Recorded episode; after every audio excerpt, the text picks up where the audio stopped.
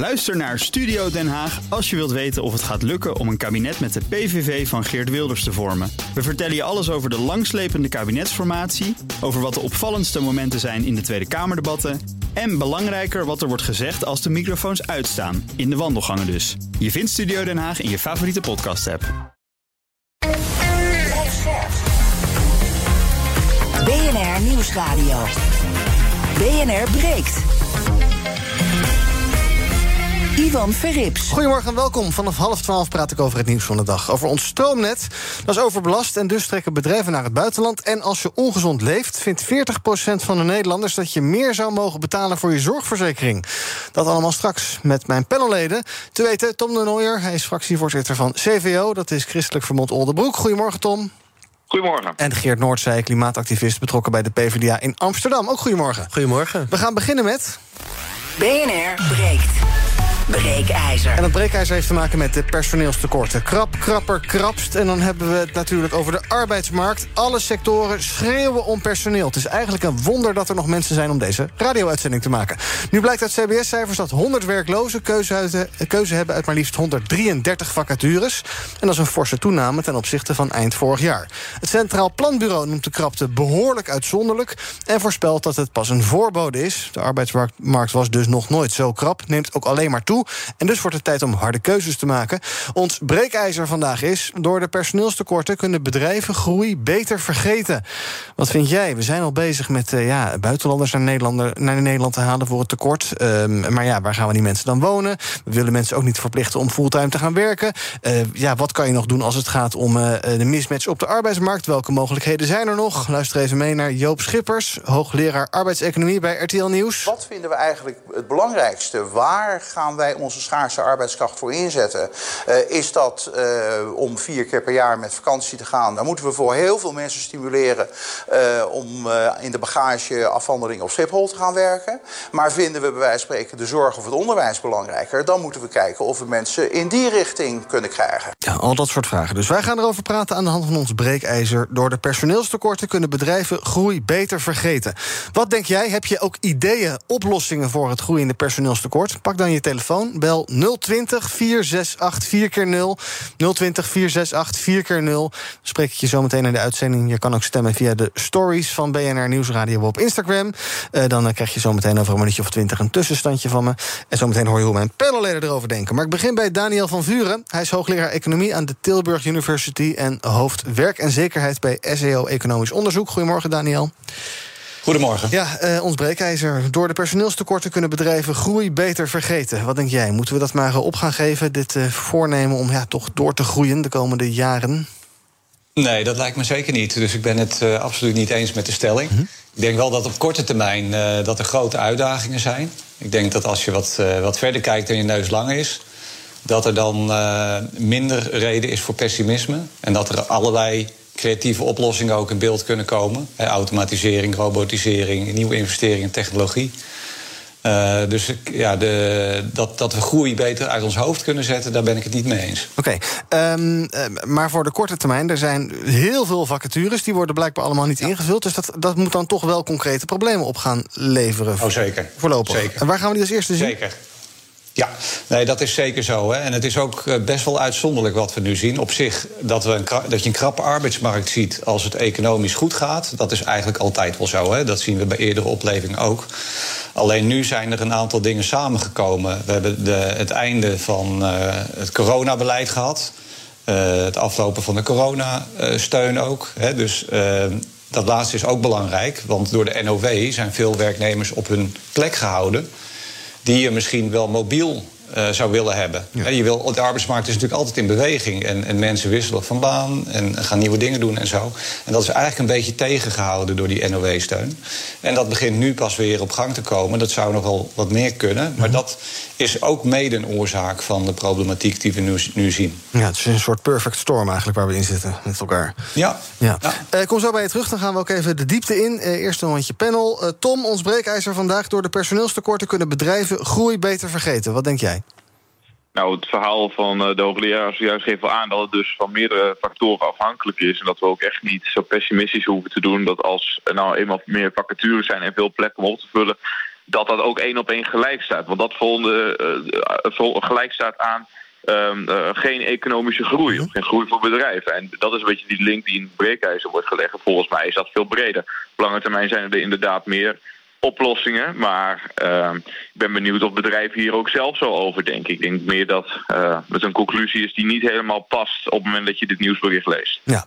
Um, dan naar Geert. Wat uh, denk jij? Uh, gaan we inderdaad... Ja, stel je bent ondernemer en je wil lekker groeien... maar ja, de mensen zijn er niet om dat te doen bij je. Ja, dan moet je maar toch een beetje afschalen? Ja, nou, ik probeer ook dan te kijken... waar zijn die tekorten dan nou zo groot? En dat zien we in de zorg zijn ze enorm... Uh, in de horeca stijgen ze enorm. En dan denk ik van ja, dat is eigenlijk wel logisch dat daar zoveel vacatures openstaan. Want als we niet meer kunnen doen aan klappen voor de zorg, we kunnen niet de salarissen omhoog gooien bijvoorbeeld, we kunnen niet uh, de werkdruk verlichten. Als we niet meer dan enkel klappen kunnen doen, ja, dan, komen, dan blijven die vacatures ook open. Want dan gaan mhm. mensen natuurlijk niet naar de zorg toe. Dus we moeten gewoon keihard werken om te zorgen dat de arbeidsomstandigheden veel beter worden. Dat we naar die cao's gaan kijken. En dan hebben we ook inderdaad bij de horeca zie je ook dat het uh, enorm stijgt, de tekorten. En dan denk ik ook, ja, dat is ontzettend logisch. Want bij corona zagen we dat al die jongeren met een uh, flexibel contract opeens ontslagen werden. Mhm. Of niet meer aan de bak kwamen, dat opeens uh, geen salaris meer hadden. En ook nu zijn ze vaak op oproep, komen ze aan het werken. Dus dan hangt het af van, is het lekker weer, dus dan sta je op. Ja. Weet je nog niet van tevoren of je gaat werken. En dan word je opeens gebeld, nee, toch niet. Mhm. Dus dan weet je ook niet hoeveel je aan het eind van de maand over hebt. En daar verlies je die zekerheid mee.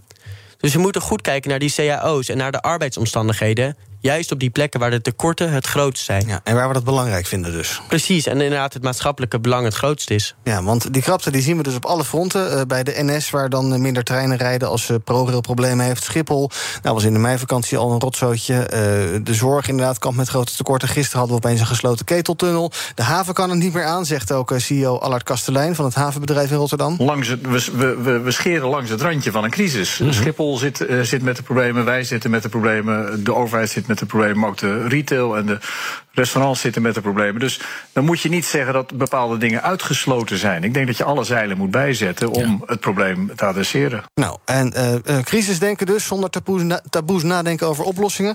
Uh, zijn dat dan, uh, ja, wat jij net, net al noemde, Daniel, zijn dat inderdaad waar we dan aan moeten gaan denken? Aan technologische oplossingen? eigenlijk, ja, aan, aan die mensen kan je niet zoveel meer doen. Uh, nou, er zijn wel meerdere zaken mogelijk dan alleen uh, techno technologische oplossingen en robots inzetten, bijvoorbeeld. Er werd net een heel belangrijk punt genoemd, dat had ik zelf nog niet genoemd, dat is de beloning. Uh, kijk, bij de, bij de herallocatie op de arbeidsmarkt speelt dat natuurlijk een essentiële rol. Hè? Dus de, ja, de, de manier om mensen op de goede plek te krijgen, is ze meer betalen mm -hmm. op die goede plek dus als we meer mensen in de zorg willen hebben, of uh, dadelijk uh, met alle klimaatinvesteringen, of, uh, of in het leger, dan zal je die mensen goed moeten belonen. dus dat is denk ik een heel belangrijk aspect aan deze discussie. Um, ja, inderdaad, technologie is een belangrijk aspect. Um, en ik denk dat bedrijven zelf ook wat kunnen doen. Hè? Dus wat je vaak ziet is dat, zeker niet alle bedrijven hoor, maar veel bedrijven een beetje behind the curve zijn. Hè? Dus uh, ja, nu is het erg met de krapte, maar. Mm -hmm. Deels hadden we het al wel zien aankomen. Hè? De economische cijfers die zijn al een tijdje uh, heel goed. Uh, dus bedrijven die zouden ook preventief wat aan kunnen doen... Hè, door mensen snel beter pakken en zelf op te leiden een, actief, uh, een actievere rol te gaan spelen, zeg maar, in het op peil krijgen van, uh, van goede arbeidskrachten. De sectoren die nu ja, een beetje op de rug liggen met de ja. benen omhoog. En zo'n Allard Kastelein die zegt van ja, het is vreselijk. Maar daar heeft hij misschien ook een beetje aan zichzelf te danken. Nou, ik wil niet op individuele mm -hmm. gevallen ingaan, want daar, daar weet ik te weinig vanaf. Maar ik denk dat dat bij een aantal bedrijven zeker wel speelt, ja. ja. We gaan naar de bellers, kijken of zij ideeën hebben. Wat uh, kunnen we doen om dit probleem op te lossen? Ons breekijzer. Door de personeelstekorten kunnen bedrijven groei beter vergeten. Wil je erover meepraten? Heb je vooral ideeën, oplossingen? Pak je telefoon, bel naar 020 468 4 keer 0 Dan spreek ik je zo meteen. Te beginnen met Jeroen. Goedemorgen. Hoi, goedemorgen Ivan. Zeg het maar. Ja, ik ben het uh, eens met de stelling. Ja, ik uh, weet wel een uh, oplossing. En die heet spreiding. Uh, want als je alle sectoren om negen uur wilt laten beginnen... Mm -hmm. en we allemaal weer om vijf uur naar huis gaan... ja, dan ben je heel, heel, heel inefficiënt bezig. Eh, spreiding van sectoren is toverwoord. Eh, dan ben je alleen nog bezig met files eh, ja, te bestrijden. Ja. Eh, twee keer per dag. Ehm, en er ontbreekt regie van de overheid eh, om geen spreiding toe te passen. Ja. En je denkt ook dat meer mensen zouden gaan werken als je eh, nou, inderdaad niet het standaard 9 tot 5 verhaal hebt. Ja, dit- precies. Het is gewoon heel. Als je alles tegelijkertijd, allemaal tegelijkertijd wil doen, ja, dan ben je daar heel veel mensen aan kwijt. Ja, nou duidelijk, gaan we zeker meenemen. Dank voor je suggestie. Ardi, goedemorgen. Goedemorgen, Jan. Je hebt ook Ja, op- oplossingen. eh, Ik heb wel een aantal oplossingen. Eén, werk moet lonend zijn. Mhm. Dus terecht dat de mensen zeggen van het salaris moet voldoende zijn. Twee, laat mensen participeren. Dus ook deelnemen in bedrijven. Dan vergroot je de- betrokkenheid. Eh, en je kunt ook nog, ook nog zeggen, de mensen die eh, nu thuis zitten, die wel iets willen, ga kijken hoe we het wel in kunnen vullen. Ja, want dat zijn er best veel, geloof ik. Hè? Een miljoen, eh, althans een miljoen is onbenut arbeidspotentieel. Daar gaan we zo meteen wel even naar kijken wat we daarmee kunnen met die mensen. John, goedemorgen. Ja, goedemorgen. Zeg maar. Ehm, ja, ik zat even te ik ben zelf ondernemer en als ik dus mijn eh, als ik dus personeel wil hebben, dan zal ik ze beter moeten betalen. Zo simpel is het. Dat betekent dus dat mijn cliënten ook meer moeten, meer moeten betalen. Als bijvoorbeeld gaf ik aan dat eh, als je bijvoorbeeld eh 5 euro, de vliegtickets met 5 euro ver- verhoogt, dan kun je daar de bagagemedewerkers van betalen. En dan zeggen ze, ja, maar dat kunnen we niet doen, 5 euro verhogen. Nou, niemand die dat merkt, als een ticket nu 5 euro duurder is, want we accepteren ook dat de benzineprijs eh, bijna verdubbeld is en we rijden braaf door. Ja. Dus gooi dan simpelweg 5 euro op de tickets. En dan kun je de, de bagagemedewerkers voor 15 euro eh, netto uitbetalen. En dan eh, denk ik, eh, gaan er meer mensen werken. Zo simpel is het, lijkt mij. In welke geldt voor heel veel sectoren, lijkt me. In welke sector ben je zelf actief? Ik zit in de evenementenbranche. Ja, en is het daar, eh, ja, je merk je dus ook gewoon dat de lonen daar omhoog gaan om mensen aan te trekken? Dat is tekort. Ja. Eh, en, en, maar het punt is, je moet ze gewoon beter betalen. Ja. En, en eh, ja, dan, dan niet een tientje, maar dan wel 15 euro betalen puur. En dan komen ze wel. En dan komen mensen vanzelf, duidelijk. Dank. Eh Nessim, goedemorgen. Een hele goede dag. Hoi. Zeg het maar. Nou goed, eh, als ik eigenlijk een beetje kijk naar, naar, naar, naar de antwoorden die de mensen daar hebben gegeven, dan denk ik bij mezelf, oké, nou goed, dat is prima. Maar laten we eens even een keertje uitzoomen. Want als we bijvoorbeeld kijken naar de mensen die bijvoorbeeld wel willen, maar ver- vervolgens solliciteren bijvoorbeeld Indeed of wat dan ook, dan vragen ze ook om een bepaalde eh, diploma. En dat is bijvoorbeeld HBO of wat dan ook. En daar schri- schrikken mensen ook best wel vaak van. En dan denk ik bij mezelf, probeer dat te veranderen. En probeer te kijken van oké, zijn er mensen die wel graag willen werken, maar niet de ervaring hebben. Vervolgens een scholing krijgen om vervolgens wel te kunnen werken. Ja, dus hoe zorgen we dat meer mensen meedoen? Ja, want dat is namelijk vaak het probleem. Want ik kijk wel eens met, met mensen mee. Hè, en dan hebben ze op, op zich geen werk of wat dan ook. En dan kijk ik met ze mee. En dan zie ik bijvoorbeeld een, een klantenservice waar ze bijvoorbeeld HBO voor vragen. En dan denk ik bij mezelf, waarom HBO? Ja, dat heb je niet nodig eh, daarvoor, zeg jij. Ja, precies, help deze mensen. Hè, en zorg ervoor dat deze mensen aan het werk kunnen. Duidelijk, dank voor het bellen. En tot slot van dit blokje even Stefan. Ja, hallo. Hallo, zeg het maar. Eh, ja, ehm, ik weet niet of dat een dubbeling is, want ik hoorde iets voorbij komen. Maar ik, ehm, eh, in- de Oekraïnse vluchtelingen mogen allemaal meteen aan het werk. Hartstikke goed. En eh, eh, ik heb me steeds afgevraagd, en zeker nu, waarom doen we dat voor die andere jonge Er lopen heel veel talentvolle jonge vluchtelingen in dit land rond. Die willen dolgraag aan het werk. Dus die regels voor die vluchtelingen die hier zijn, moeten veel soepeler worden. Zodat, en dan lopen echt mensen met, eh, die, die, die de capaciteiten hebben, die het verstand hebben, die de taal willen leren. En zet die aan het werk. Ja, en, want die mogen vaak nu niet werken, hè? Die mogen niet werken, nee. Precies. Nou, ga ik voorleggen. Dank voor het bellen, Stefan. BNR breekt. Ivan Verrips. Vandaag mijn breekijzer. Door de personeelstekorten kunnen bedrijven groei beter vergeten. 020 468 4 keer 0 is ons telefoonnummer. Als je wil meepraten, als je ideeën hebt om dit probleem op te lossen. Praat erover met Geert Noordzij. Hij is betrokken bij de PvdA in Amsterdam. Tom de Nooijer, fractievoorzitter van CVO, Christelijk Verbond Oldenbroek. En ook bij me is Daniel van Vuren, hoofdwerk en zekerheid bij SEO Economisch Onderzoek. Eh, Tom, ehm, een paar dingen die we gehoord hebben. Of eigenlijk, wat vond jij de, wat vond jij de beste oplossing van die bellers die we, die we gehoord hebben net? Waar zie jij de meeste ja, brood in?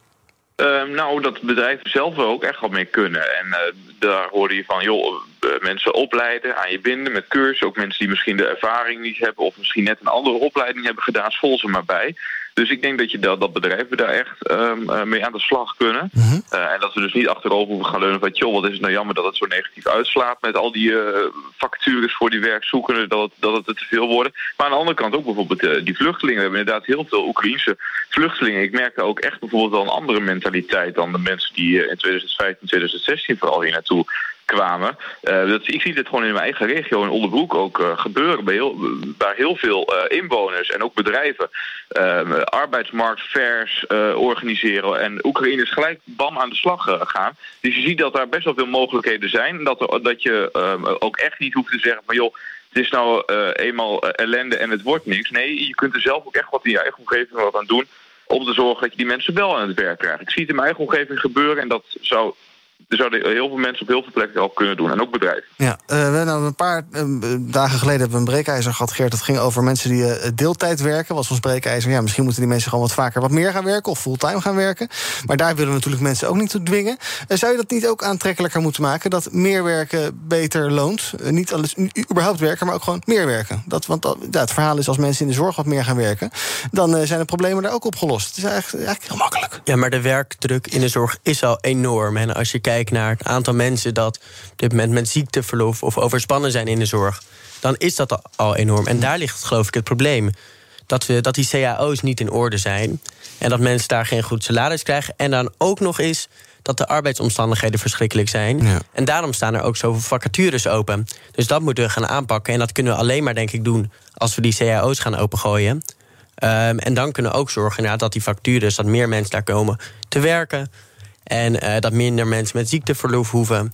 Uh, maar ja, dat is de stap die we moeten nemen. En we moeten niet zeggen, jullie moeten weer meer werken. Ja. Want er is al een enorme werkdruk. Okay. Uh, Daniel, uh, om het arbeidspotentieel is een term die je vaak leest in die berichten van het CBS. Dat gaat dan om een miljoen mensen die op de een of andere manier aan de zijkant staan om allerlei redenen. Mm. Uh, dat is best veel. hoe komt dat dat zij niet aan de bak komen als er wel heel veel werk is? Maar ja, waarom weten werk en arbeiders elkaar, elkaar niet te vinden daarin? Nou, er zijn best wel veel verklaringen voor, denk ik. Ik denk dat, dat je ja, A zou je eens kunnen kijken naar hoe het fiscaal uitwerkt. Hè. Als je meer uren gaat werken per week, uh, hoe lonend is dat dan? He, dus dan uh, ja, moet je kijken naar toeslagen bijvoorbeeld, marginale druk, hè, zoals dat genoemd wordt. Ik denk dat daar nog wel winst valt te behalen. Dus dat je meer uh, dat je voltijd werken meer lonend maakt. Mm -hmm. um, ik denk ook dat er wel wat moeilijkere groepen op de arbeidsmarkt zijn. Dus mensen vanuit de bijstand activeren is echt vaak niet makkelijk. Er moeten gemeenten, bedrijven kunnen daar een rol in spelen, maar dat is, echt niet makkelijk. Ik denk dat bijvoorbeeld bij gedeeltelijk arbeidsongeschikten, daar is ook nog wel winst te halen.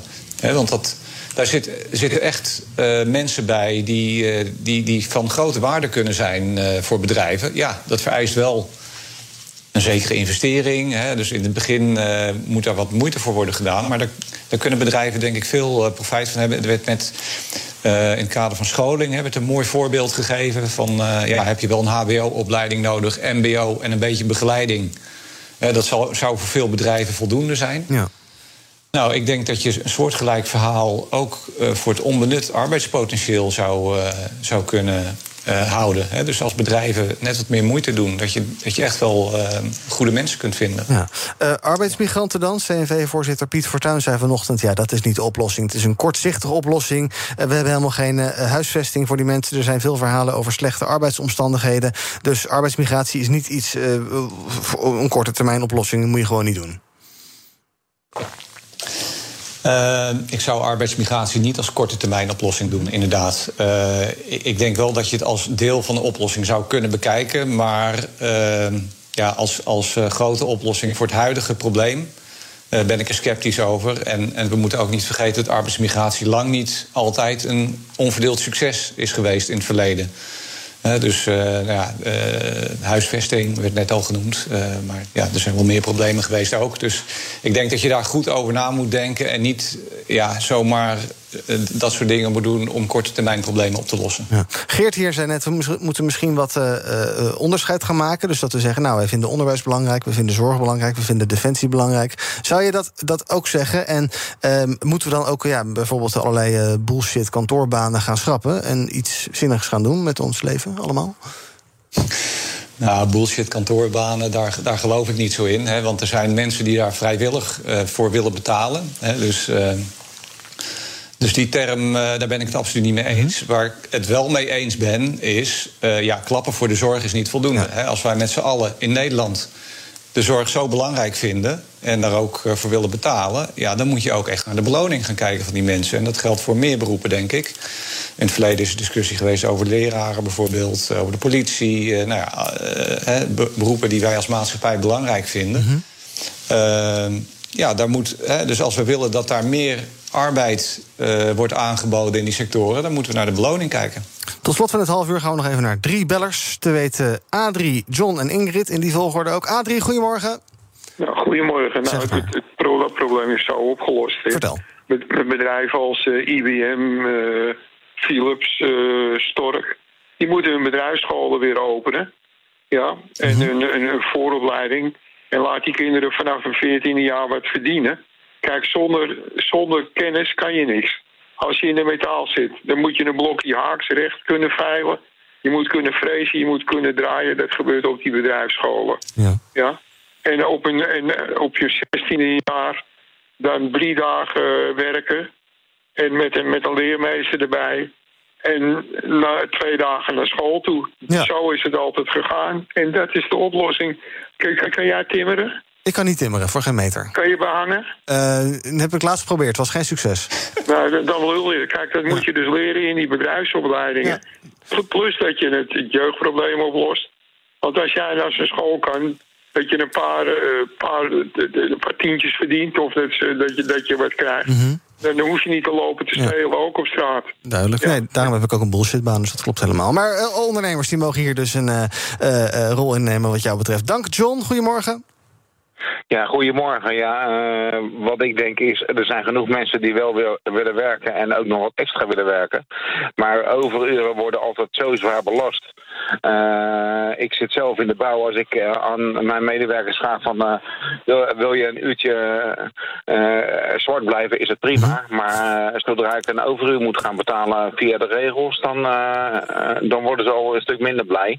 Eh, want dan komen ze ook in een andere schaal en, en dat soort dingen terecht. Dus laten ze in ieder geval wat aan de overuren doen en de belasting daarvan vanuit de overheid wegen. Duidelijk, dank. En tot slot van het half uur Ingrid, goedemorgen.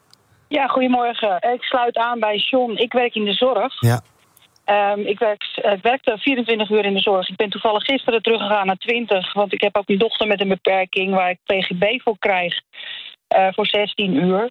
En eh, daar is pas, eh, pas, gelopen, pas geleden is bekend geworden dat ik ehm, eigenlijk voor de fiscus aan het werk ben. Eh, dat is ook in het nieuws geweest.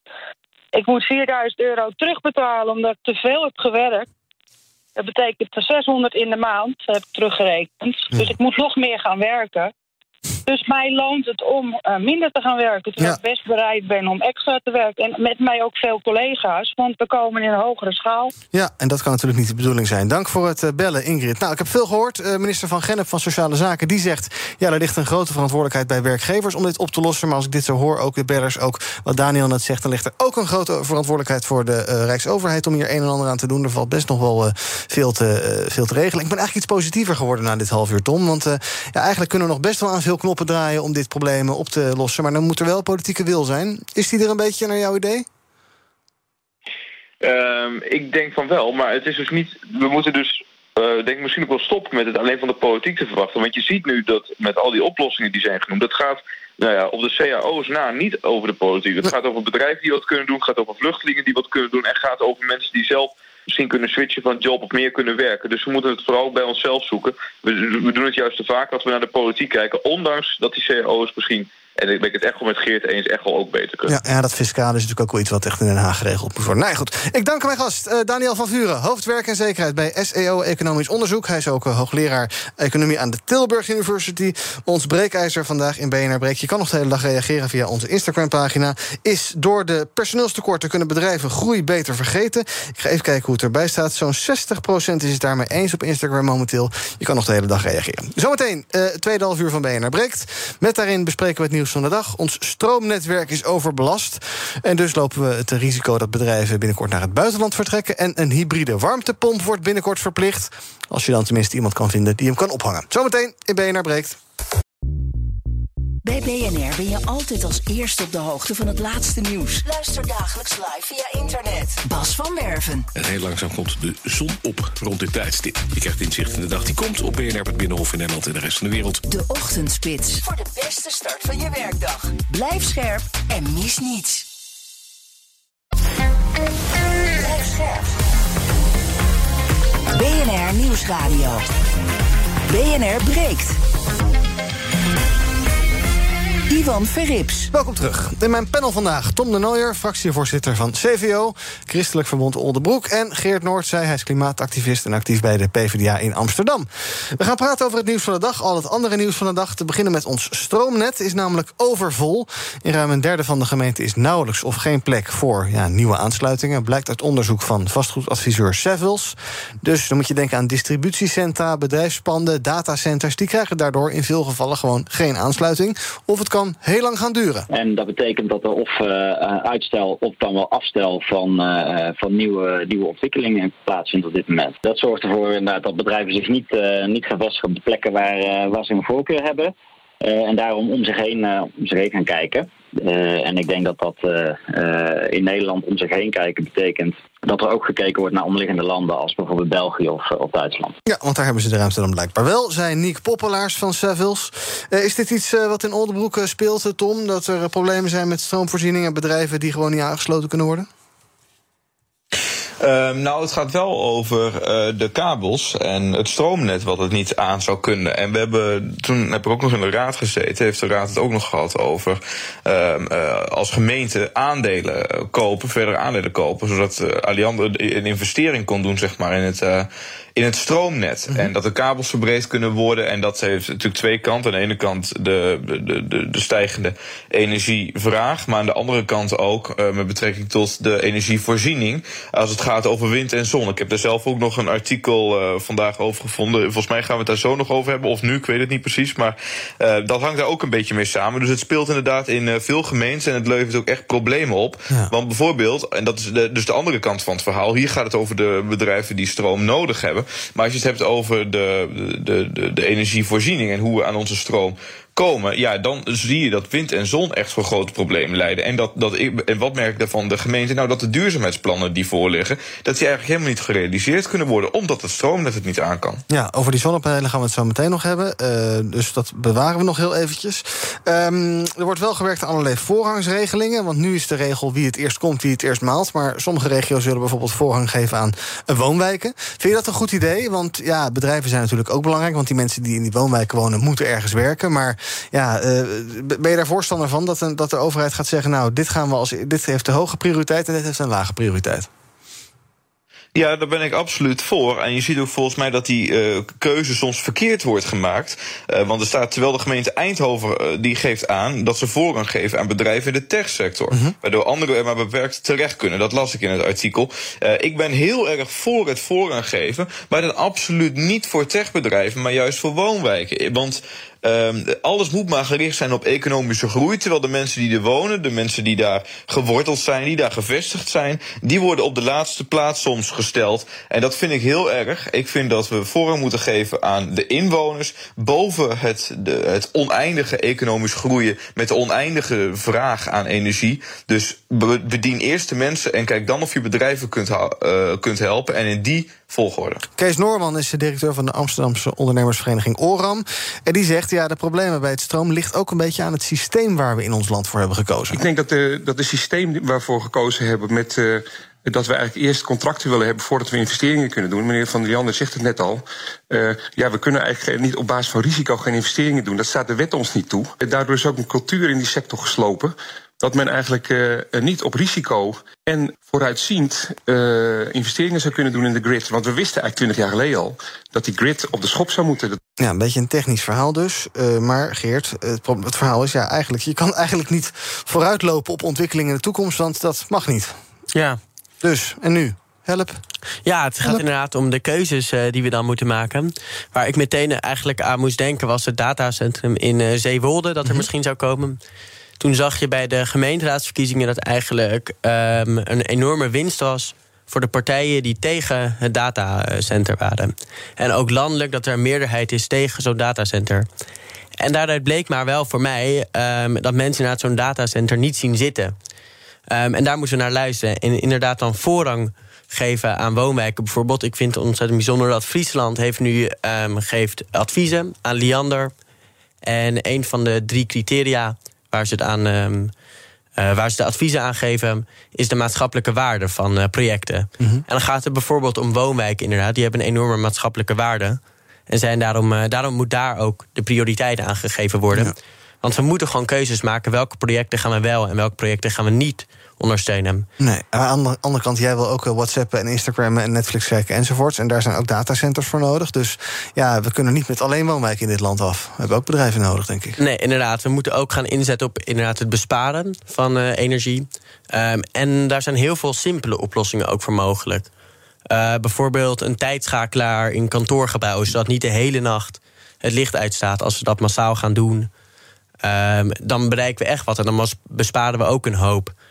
Um, en ook bijvoorbeeld in winkels um, om uh, in de winter de deuren dicht te doen. Mm -hmm. uh, zodat niet de warmte constant uh, weg, wegloopt. Ja, daar heb je minder energie nodig en belast je dus het net minder. En dat levert dan ook minder problemen op, denk jij? Precies, jij. het is een combinatie inderdaad tussen besparen en de juiste maatschappelijk verantwoorde keuzes maken. Um, dan, ander nieuws van vandaag. Uit onderzoek van het Zorginstituut Nederland blijkt dat vier op de tien Nederlanders vindt dat je, vinden dat je meer zorgpremie moet gaan betalen als je ongezond leeft. Um, zij ondervroegen de Nederlandse bevolking om te ontdekken wat mensen ervoor over hebben om goede zorg te krijgen. Um, ik geloof, Tom, dat dat toch niet helemaal het idee van ons systeem was. Hè? Dat je afhankelijk van hoe je leeft, dat je aan, aan de hand daarvan bepaalt hoeveel premie je betaalt. Uh, nee, dus dat is een fundamentele wissel die eigenlijk wordt omgezet. Alhoewel, en ik ga het toch niet uh, nalaten, uh, ik er wel op moet wijzen dat die tendens al eerder zichtbaar was in de hele coronadiscussie. Mm -hmm. Toen werd ook al gezegd van nou, in een iets andere vorm. Maar ongevaccineerden moeten die nog wel recht hebben op een, op een, uh, op een bed. Want hè, die, en die hou je eigenlijk ook voor anderen bezet. Dus toen zag je eigenlijk al dat, ja, dat argument eigenlijk, hè, dus je, je, de keuze die je maakt hebben invloed op of hoeveel je betaalt of op hoeveel recht je hebt op een ziekenhuisbed, dat dat begon te spelen. En ik vind het opvallend dat nu uh, wordt daar best wel uh, uh, erg op gereageerd. Van nee, dat moeten we niet doen. Terwijl ja. de reacties toen vond ik veel milder en veel, veel minder unaniem gedragen. Dus dat wil ik wel gezegd hebben. En wat ik er überhaupt van vind, ik vind dat je daar heel erg voor moet oppassen. Want wat je dan gaat creëren is echt heel veel onderscheid. En dan, dat, moet, dat zul je ook continu moeten meten. Dus dat gaat ook een hele bureaucratie optuigen. En op welke parameters wil je nou gaan kijken of iemand nou echt gezond leeft. Mm -hmm. Dus ik vind dat we daar heel terughoudend bij moeten zijn om op die manier ook uh, de zorgpremie uh, in te gaan richten. Ja. Ik denk dat dat heel erg gevaarlijk is. Maar initiatieven om gezond gedrag te belonen, moet je dat dan überhaupt niet doen? Of kan dat wel op, in zekere mate? Is ingewikkeld, hè? Nou ja, belonen, dan gaat het er dus om wat bedoel je met belonen. Kijk, dat, financieel, dan kom je dus wel in dat hele web terecht. Ja. En daarvan zeg ik, wees terughoudend. Maar in datzelfde artikel van het AD las ik ook... dat 64% vindt dat de huisarts patiënten op hun ongezonde leven moet aanspreken. En dat zou ik wel een hele goede vinden. Ik vind dat we, er is ook zo'n, dat is de hele andere kant van het verhaal. Er is nu een hele trend, uh, dat zien we al jaren met body positivity. En als je dik bent, nou, hartstikke goed joh. En dat is net zo goed als dat je gewoon een uh, afgetraind uh, lichaam hebt. Nee, dat is niet even goed. Nee, het is niet goed om dik te zijn. En zeker niet als je daar zelf de hand in hebt gehad. En dan mag er van mij inderdaad uh, de huisarts best wel eens zeggen van... joh, ga eens wat vaker op die loopband staan om wat kilo's eraf te hebben... of ga minder ongezond eten. Want dat vind ik wel wat dat we moeten doen. We moeten die mensen niet per se financieel straffen... maar wel de -hmm. waarheid durven zeggen. Want ja, het is gewoon een feit dat het ook zorgt voor hogere kosten... in het zorgsysteem wat al de klauwen uitloopt. Ben je het maar eens, Geert? Nou, ik denk aanspreken daar. Ik denk dat dat niet gaat helpen. Dat als je de, huispre- als de huisarts erop gaat aanspreken op bepaalde dingen, dan helpt dat denk ik niet. Ik denk wel dat je als huisarts de verantwoordelijkheid hebt. En eh, met mensen kan praten over een gezonde levensstijl. Bijvoorbeeld als het gaat om roken. Dat je kan zeggen, hé, hey, ik kan je ook doorverwijzen naar een diëtist. Dat weten ontzettend veel mensen niet. Eh, dat de huisarts je kan doorverwijzen naar een diëtist... en dan kunnen mensen hulp krijgen. Eh, dat is dan gratis. ehm, om te stoppen met roken bijvoorbeeld. En op die manier kan je samen met de huisarts... niet op een vervelende, aansprekende manier... maar echt in samenwerking kijken... Oké, hoe kunnen we inderdaad helpen? Dat is ook een verantwoordelijkheid die je als huisarts hebt... om te helpen, niet enkel om aan te spreken. Maar ja, ik geloof ook gewoon dat dit een uit de hand gelopen Twitter-discussie is. Eh, Hoezo? zo zag, nou, ik zag op Twitter, eh, dacht ik eh, van... oh ja, dit is geloof ik een Twitter-discussie die enorm uit de hand is gelopen. Hmm. En ik geloof dat heel veel ehm, huisartsen op dit moment al zien... dat ze de verantwoordelijkheid hebben om eh, samen met eh, mensen... het te hebben over een gezonde levensstijl. Ja, en dat moeten we natuurlijk wel eh, blijven aanmoedigen. Daar ben ik mee eens. BNR ben je altijd als eerste op de hoogte van het laatste nieuws. Luister dagelijks live via internet. Bas van Werven. En heel langzaam komt de zon op rond dit tijdstip. Je krijgt inzicht in de dag die komt op BNR, het Binnenhof in Nederland en de rest van de wereld. De Ochtendspits. Voor de beste start van je werkdag. Blijf scherp en mis niets. BNR. We gaan kijken naar wat jullie zelf opgevallen is in het nieuws. Mijn panelleden, te weten Tom de Nooier en Geert Noordzee. En laten we beginnen bij Geert. Jij wil het graag hebben over homohaat in de sport. Het is vandaag namelijk de internationale dag tegen homofobie, bifobie, transfobie en intersexofobie. Hele mond vol. Ehm, en eh, in de sport is nog heel veel mis. Ja, er gaan ook dingen goed. We zagen gisteren dat een speler van een championship uit de kast is gekomen. Is dat goed? En je ziet eh, steeds meer roze supportersverenigingen. Maar na het is wel de vraag: is het goed dat het zoiets bijzonders is als een speler uit de kast komt? Ehm, als je er open voor uitkomt. En ehm, waarom zou dat zo bijzonder moeten zijn? En waarom vergt het zoveel lef? En dat komt omdat er ook binnen de supporters, eh, binnen de, op de tribune bijvoorbeeld, ontzettend veel homohaat is op de sportverenigingen. Ehm, in Frankrijk was er afgelopen zaterdag, ging elke club met een regenboogtenue spelen. En was er ook weer een speler die zei: Nee, ik ga niet met een regenboogspeler, een regenboogshirt spelen. Ik doe daar niet aan mee. En ehm, het doet me goed om te zien dat er steeds meer roze supportersverenigingen zijn binnen clubs. Bijvoorbeeld ADO Den Haag, bijvoorbeeld Feyenoord. Ja, en ik denk ook dat Tom daar bijvoorbeeld nog wel wat van kan leren. Oh, wat dan? Nou, ik zie ook bij Tom bijvoorbeeld ehm, dat hij zegt... ehm, in het verkiezingsprogramma geen regenboogvlag in Oldenbroek. Nou, dan denk ik dat is toch een, ehm, ja, een soort dolk bijna in de rug... voor eh, jonge LHBTI'ers zeker. Want die voelen zich niet eh, veilig en niet welkom dan eh, in hun eigen gemeente. Hier moeten we het even over hebben, want jullie hebben ook hier een soort verleden in. Want jij bent naar Oldenbroek getoogd met een paar regenboogvlaggen om die daar op te hangen. Tom heeft erop gereageerd met een YouTube-filmpje en die zei: Nou, die regenboogvlag, althans, d- ik ga het nu parafraseren, maar correct me zo meteen if I'm wrong. Dat ben ik ongetwijfeld, Tom. Maar die zei: Die regenboogvlag, eh, die hebben we eigenlijk niet nodig, maar misschien kunnen wij samen de Nederlandse vlag heffen. Zo ongeveer waar, toch zo, Tom? Jazeker. Maar had jij, heb, jij, heb jij daar nog op gereageerd, Geert? Eh, nou, het gaat niet om Tom in dit geval. Nee, Het maar ging- heb je op die oproep nog gereageerd van die Nederlandse vlag samenheffen? Nee, ik, want ik geloof dat die eh, regenboogvlag staat eh, voor liefde en acceptatie voor die jonge LHBTI'ers. Uh-huh. Die ik daar wilde steunen in Oldenbroek. Oh Daar was ik voor, om die groep jongeren te steunen. Ehm, en dat is ontzettend goed gelukt, hoop ik. Ehm, ik zag ook veel ehm, jonge LHBTI'ers, eh, kreeg ik dan een bericht van. Mhm.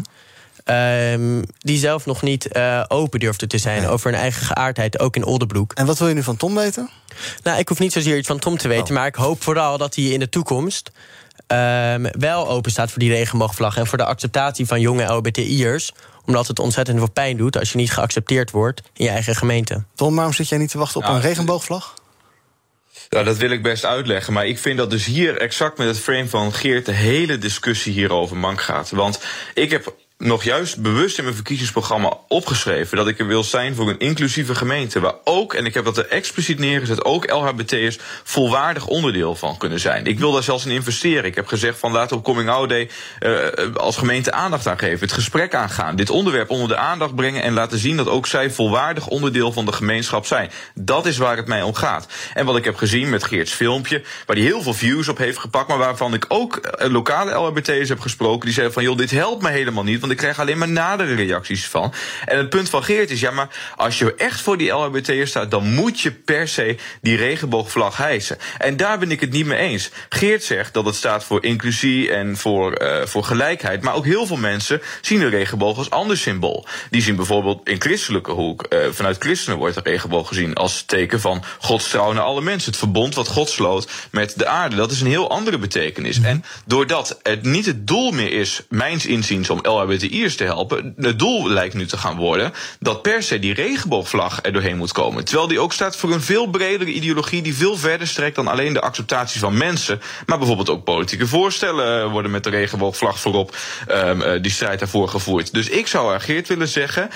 Kom op samen met mij voor die acceptatie van die LHBT's. Want daar wil ik me ook actief voor inzetten. Ik heb dat gewoon laten zien, bijvoorbeeld in mijn verkiezingsprogramma. En laten we stoppen met alleen maar focus op één symbool. Want het moet gaan om de mensen en niet om het symbool.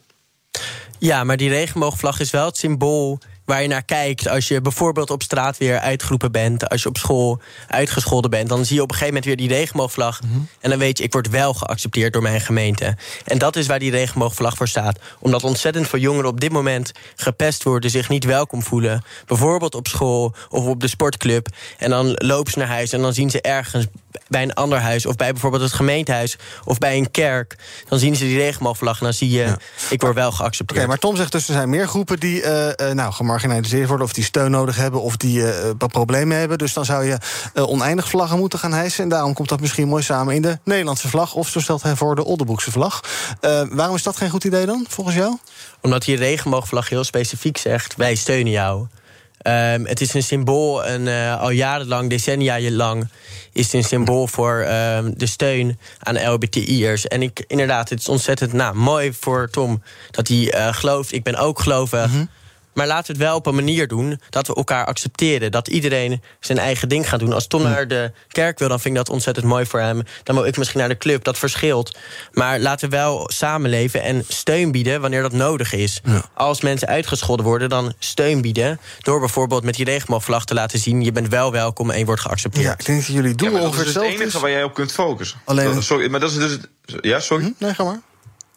Maar dat is dus het enige waar jij op gefocust bent. Jij zegt, zolang ik die regenboog op mijn vlag maar zie, nou dan is het goed. En als ik die niet zie, nou dan wordt die gemist en ben ik niet welkom. En et cetera, et cetera. En daarmee gaat het dus echt alleen over dat symbool. Terwijl inderdaad, er zijn veel meer gemarginaliseerde groepen. En het punt is, we kunnen op zoveel manieren er echt wat aan doen. En dat gaat echt niet alleen om dat symbool of die ene vlag die wordt gehezen. En overigens is het ook maar voor één dag in het jaar als het gaat om Coming Out Day.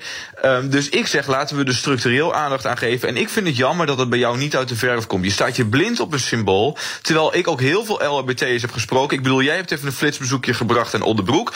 Ik heb later ook LHBT'ers gesproken. Die zeiden, er is een, best wel een probleem in onze gemeente... als het gaat om een macho-cultuur uh, tegen LHBT'ers die er last van hebben. Maar die actie van Geert Nooit zei... en die hele regenboogvlag helpt mij daar niet bij. Op het moment dat die getoond wordt, wordt de agressie alleen maar groter... terwijl een echt gesprek ons veel verder zou helpen. En denk ik zou je zeggen, investeer daar dan in... in plaats van alleen dat symbool. Ik denk het doel dat jullie voor ogen hebben wel hetzelfde is. Het middel, daar moeten we nog even wat overeenstemming bereiken. Tot slot van deze uitzending gaan we kijken naar de trainings op de socials.